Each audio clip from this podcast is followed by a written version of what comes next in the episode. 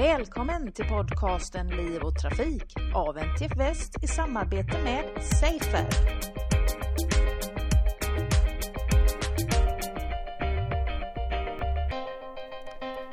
Idag så träffar Liv och Trafik Lotta Jakobsson som är teknisk specialist på Volvos bilsäkerhetscentrum, forskningsledare på Safer, adjungerad professor på Chalmers.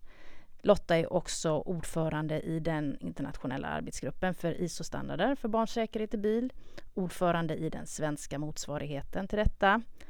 Eh, Lotta har vunnit, eh, fått ett antal internationella utmärkelser för sitt arbete för barnsäkerhet i bil och googlar man på Lotta Jakobsson så läser man att detta är Sveriges främsta expert på barnsäkerhet i bil.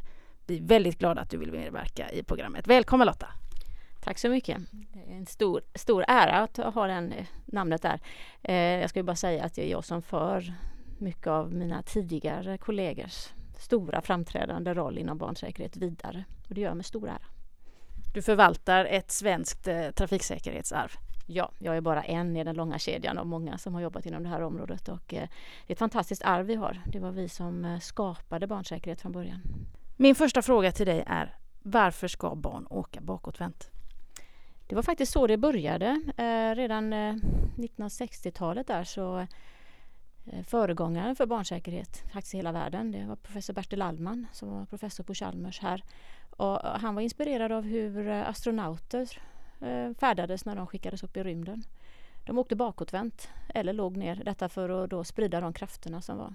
Av precis samma skäl så ska de små barnen åka bakåtvänt. Barn har stora huvuden i förhållande till resten av kroppen. De har svaga nackar. Nacken är inte ens utvecklad under de första åren utan kotorna är formade på ett sätt som, som gör att man väldigt lätt kan skada nacken om man belastar huvudet och kroppen relativt olika då. Eh, så därför ska vi sprida krafterna över ryggen på, på barnet och stötta huvudet. Därför åker man bakåtvänt. Hur länge ska man åka bakåtvänt? Ja, upp till ja, fyra år ungefär är riktlinjen. Då har nacken mognat, eh, kotorna har rättats upp lite grann. Eh, musklerna har blivit eh, starkare och man har oftast en längd som har gjort att fördelningen mellan huvud och kropp har blivit bättre. Så, så fyra år är, är bra riktvärde. Sverige brukar ju anses som ett land där barn åker bakåtvänt i väldigt hög utsträckning. Hur, om du jämför oss med andra länder, hur ser det ut då? Ja, vi har ju alltid åkt bakåtvänt här. Det började ju här. Barnstolen föddes ju här i mitten av 60-talet. Så det var ju vårt sätt att åka först. Sen dröjde det ju flera år faktiskt, tio år innan eh, barnkudden uppfanns som då var nästa barnsäkerhetsskydd i bil. Och, eh, och under den tiden så åkte vi bakåtvänt i Sverige. Och vi har fortsatt göra så för att det har varit bäst. Medan övriga länder eh, började med några framåtvända stolar under en period där. Och det är ju en grej som de ångrar idag, många länder tror jag, för eh, det är ju inte lika säkert. Och eh, nu eh, ser vi ju tendenser i resten av världen att de följer vårt exempel. Så vi har liksom aldrig gjort någonting annat. Vi har åkt bakåtvänt de första åren och först när barnet är så stort som man kan åka framåtvänt över fyra år så har vi olika typer av systemkuddar då, till exempel för att hjälpa barnet att passa in i bilen. Men är det så då att det dör fler barn i andra länder än vad det gör i Sverige? Det dör absolut fler barn i andra länder. dels för att vi har väldigt eh, bra användning av barnskydd i Sverige så har vi ju hållit nere våra dödsfall. Men framför allt bland de yngre barnen ser vi eh, när vi jämför eh, dödsolycksstatistik normerat per invånare och så då med Tyskland till exempel som ju för övrigt har en ganska lik kultur inom barnsäkerhet så ser vi att det dör fler ettåringar i Tyskland än i Sverige. Det är en ganska signifikant peak som sticker upp där vid ett år. Och det kan bara förklaras av det faktumet att i eh, Tyskland så rekommenderas man att vända framåt vid ett år medan vi i Sverige varmt rekommenderar att inte vända förrän senare. Så det syns, det syns i statistiken. Och den här statistiken har hjälpt att förändra beteendet i Europa nu också. Vi ser en förändring i Europa. Eh, den går inte så snabbt, men den går åt rätt håll. Vi har ju eh, väldigt få dödsfall av barn i bil idag i Sverige och det är hur underbart som helst. Det betyder dock inte att det inte kan ske, eh, så vi måste givetvis använda våra skyddssystem, eh, använda dem rätt. Eh, vi vill ju inte se någon ökning på grund av att man börjar slarva med att åka framåtvänt till exempel för tidigt. Utan vi måste fortsätta det här eh, sättet som vi gör med att åka bakåtvänt upp till fyra år och därefter skydda våra barn med, med att använda kuddar, kudderygg, bältesstolar, bälteskuddar. Eh, och alltid använda alltid sätta fast barn, alltid använda skydd varenda resa. Då kan vi bibehålla våra bra siffror. Nästa steg då efter den bakåtvända bilbarnstolen, är vi lika duktiga på att använda det tycker du? Ja, vi är överhuvudtaget ganska så duktiga i Sverige på att använda barnskydd. Men, men när jag tittar in i vår data här nu ganska nyligen då, faktiskt sen eh, senaste uppdateringen på lagkravet som faktiskt spesar att alla barn i Sverige upp till 135 centimeter ska använda någon typ av barnskydd i bil. Eh, så var det fortfarande ganska många som inte gjorde det. Så att eh, eh nästan 20 procent av våra barn sitter bara med bälte i bil. Det är väldigt få som är obältade även om de finns men, men sitter med bara med, med bälte är alltså för dåligt eh, skydd för de barnen. Eh, så där är någonting vi måste öka, förbättra oss på. Och varför är det så viktigt och hur länge ska man sitta på en bälteskudde? Räcker det att man har blivit 135 centimeter? Det beror lite grann på bil och hur det ser ut i baksätet i den bilen och geometrier. Vi har, vi har sagt över åren ungefär 140 centimeter så ska man använda eh, barnskydd. Eh, nu kommer ett lagkrav med 135 och det funkar utmärkt för många bilar. Eh, 150 är det i vissa länder i, i, resten av Europa. Det tycker vi är lite för långt. Eh, så att man eh, 135 definitivt.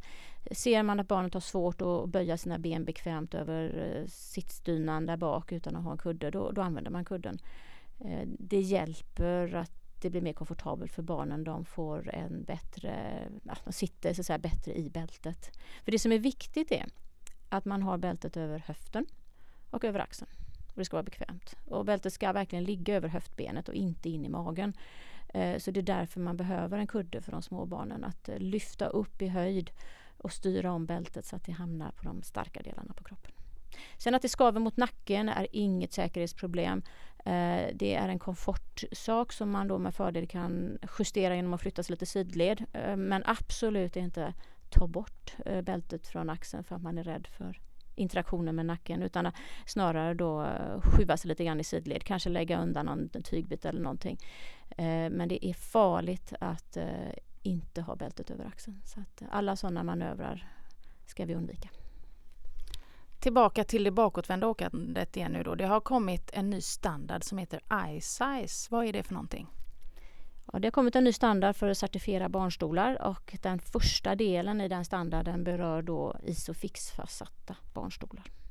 Och vi brukar bland experterna kalla det för super-Isofix för att inte förvirra så mycket. Det innebär att Isofix-stolarnas eh, fastsättningar och den specifikationen är samma som tidigare men när man har lagt på eh, lite krav på eh, ytor i bilen så man, och även barnstolens storlek så att det ska lättare passa. Eh, det finns krav på eh, stödbenskrafterna mot golvet så att inte man riskerar att eh, man har en bil till exempel med en lucka med någon förvaringsfaktor att stödbenet går igenom. Eh, och sen så finns en sidokollisionsmetod också som inkluderas. Man, man har förbättrat ISOFIX-standarden lite grann. I det nya reglementet som, som nu kommer då eh, sakta då fasas in så har man också ändrat eh, så att det ska bli lättare för eh, brukarna, föräldrarna, genom att prata om längder istället för vikt. Man har bättre koll på eh, barnets längd oftast, den man har på vikten och det är faktiskt viktigare hur stort och gammalt barnet är snarare än vad den har för vikt. Så, så det är en förändring med den nya eh, dagkravet. lagkravet. Sen har man också fört in en, eh, en eh, beslut att man inte får åka eh, framåtvänt under 15 månader. Vilket ju är då jättebra i linje med vad vi i Sverige tycker. Vi tycker att gränsen skulle varit högre. Men eh, fram tills idag har vi inte haft någon gräns alls för när man måste åka bakåtvänt utan allt detta har varit baserat på rekommendationer. Så det är ett stöd för det svenska sättet att eh, verka för bakåtvänt åkande men vi vill för svensk del så räcker det inte med 15 månader. Vi pratar ju fyra år. Men för resten av världen så är det en väldigt god signal. Och det är bekräftelse för att vi gör rätt i Sverige. Men kan det finnas en risk att svenska föräldrar tar intryck av ISIS och direktivet och tolkar det som att det behövs inte längre än 15 månader och sen att det är okej att vända? Kan det gå åt motsatt håll istället? Ja, den risken är, äh, finns och därför är det så viktigt att alla vi som kommunicerar ISIS och nya reglementet i Sverige alltid säger att eh, rekommendationerna är de samma. Detta är bara en bekräftelse på att våra rekommendationer är rätt vi har fått någonting mer än det vi har innan. Eh, och att resten av världen nu äntligen har insett detta också. Det handlar mycket om kommunikation och vi jobbar tillsammans i Sverige. Vi har en arbetsgrupp som spänner över alla aktörer inom barnsäkerhet i Sverige. Alltså barnstolstillverkare, eh, kommunikation, försäkringsbolag, bilindustri. Alla som är engagerade och Transportstyrelsen och Trafikverket förstås som är engagerade i detta. Och vi är väldigt överens om att eh, det här måste vi kommunicera med väldigt tydlighet. Så att det, våra rekommendationer i Sverige är eh, upp till fyra år, så länge som man kan bakåtvänt, gärna längre om det går. Eh, och eh, därefter ska man använda bälteskudde eller bältesstol. Du är ute mycket i världen och och eh, missionerar kan man säga om vikten av att åka bakåtvänt. Hur ser det ut? Vad möter du för reaktioner och kan du nämna något exempel? Det finns mängder av exempel men jag, så många gånger jag har mötts av kommentarer om att ja, alltså du vet i Sverige då kan man åka bakåtvänt. Men det är bara svenska barn som kan det. Alltså vi, vi här i Australien eller vi här i USA eller vi här i Kina, vi kan inte det barnen vill inte eller någonting sånt. Och då, då, då eh, brukar jag alltid göra den liknelsen med att ja, men det handlar ju inte om vad barnen vill, det handlar ju om vad de vuxna vill. Och därför är jag då extra stolt över att vi här i Sverige har den här traditionen, den här kunskapen om hur viktigt det är. Så att det hjälper alla våra föräldrar och andra som kör omkring med barn i bil att förstå hur viktigt det är. Så man tar den där extra striden. Eh, för att det är ju inget, ingen förälder tror jag i hela världen som låter sina barn springa omkring mitt på gatan och leka om du kör bilar där. Eh, och på samma allvarlighet får man ju ta det här med att åker du i bilen ska du sitta fast och sitta fast på rätt sätt. Så det handlar väldigt mycket om det stöd vi kan ge till eh, föräldrarna som tar de här besluten att, eh, att verkligen förstå hur viktigt det är. Så är det sant, jag, jag missionerar eh, runt hela jorden och det är olika frågor vad gäller barnsäkerhet i olika länder och det är lika spännande varenda gång. Men eh, jag är väldigt stolt över att vara svensk i de här lägena och att, eh, att vi har den positionen vi har i Sverige. Att vi, vi pratar om de viktiga frågorna här om eh, detaljerna kan man väl säga men också viktiga medan i övriga världen så kämpar man med att överhuvudtaget få fast barnen i bilen. Det, det, det är olika frågor man pratar om.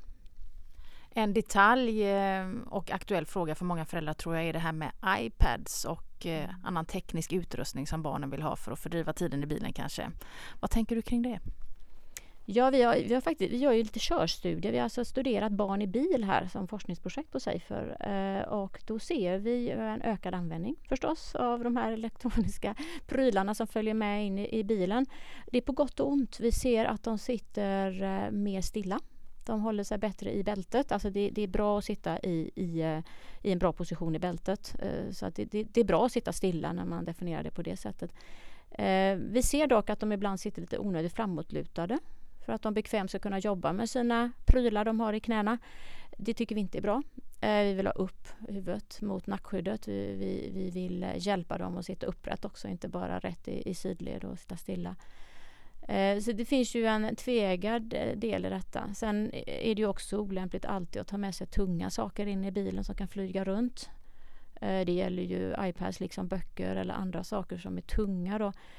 Eh, så det är ju också en utmaning vi måste jobba med. Hur kan vi få en säker förvaring och en säker fastsättning av olika prylar. Prylar har alltid funnits i bilen, det är bara annan typ av prylar som vi, vi får med oss in. Så, så vi, vi eh, i allra högsta grad en viktig frågeställning och, och vi ser som sagt redan eh, skillnader i, våran, eh, i våran, våra studier om att det har en påverkan. Vad skulle du säga är den främsta utmaningen som är aktuell just nu med barns säkerhet i bil? I Sverige och i Europa kan jag väl säga är väl den största utmaningen, den största diskussionspunkten som vi har just nu. Det är just hur, hur skyddar man de äldre barnen? Alltså de barnen som är strax under 135. Eh, de som fortfarande behöver skydd men som eh, inte åker bakåtvänt längre och är eh, i behov av någonting som håller dem på plats i närheten av bältet väldigt bra då. Eh, och där pågår det just nu intensiv eh, diskussion i Europa om att eh, bandlysa eh, de här lösa kuddarna, de här små kuddarna som ju eh, är så förträffliga för att eh, få barnet att sitta rätt i förhållande till bältet på ett enkelt sätt och, och då också gynnas av den krocksäkerheten som, som bilen har. de håller på att bandlysas i all välmening ifrån de som vill göra det för de hävdar då att då får inte barnen något skydd i sidokollision. Och det här är på grund av att man utvecklar barnkuddar och barnstolar i en rigg, en krockrigg som inte ser ut som en bil utan då, då har man helt enkelt ingen bil runt barnet. Och, och, då är det ju lätt att tro när man kör de proven att man inte får något skydd i sidan i en sidokollision på grund av att eh, det inte finns någonting där. Men i, i verkligheten så finns det ju alltid en bil omkring barnstolen och barnet. Och, och det är det som vi då i vår forskning här på Safer eh, gång på gång ska jag säga påminner övriga världen om att det, det är faktiskt man ska se en helhet. Och vi försöker lösa den knuten nu genom att göra det då bästa för barnen. För ju mer och ju större stolar man har desto mer besvärligt blir det. Eh, det går väl an om man har ett barn och man ska åka eh, en längre sträcka. Då, då, kan man ha en stor stol i bilen. Men om du ska köra många barn i bilen eller om du ska eh, eh, inte köra barn hela tiden utan du behöver förvara de här barnstolarna när du kör andra människor i bilen. Då blir det onödigt komplicerat och det är inte det hållet som man löser det här med att få alla att använda barnskydd utan då, då får man eh, då visar vår forskning väldigt tydligt att det, det finns ett behov av de här kuddarna, de här eh, små kuddarna som styr om bältet på det nödvändiga sättet och sen hjälper barnet att få ta del av eh, bilens säkerhetsutrustning. En säker bil som är säker för en vuxen är ju säker för ett barn också om man höjer upp barnet i den vuxnas position.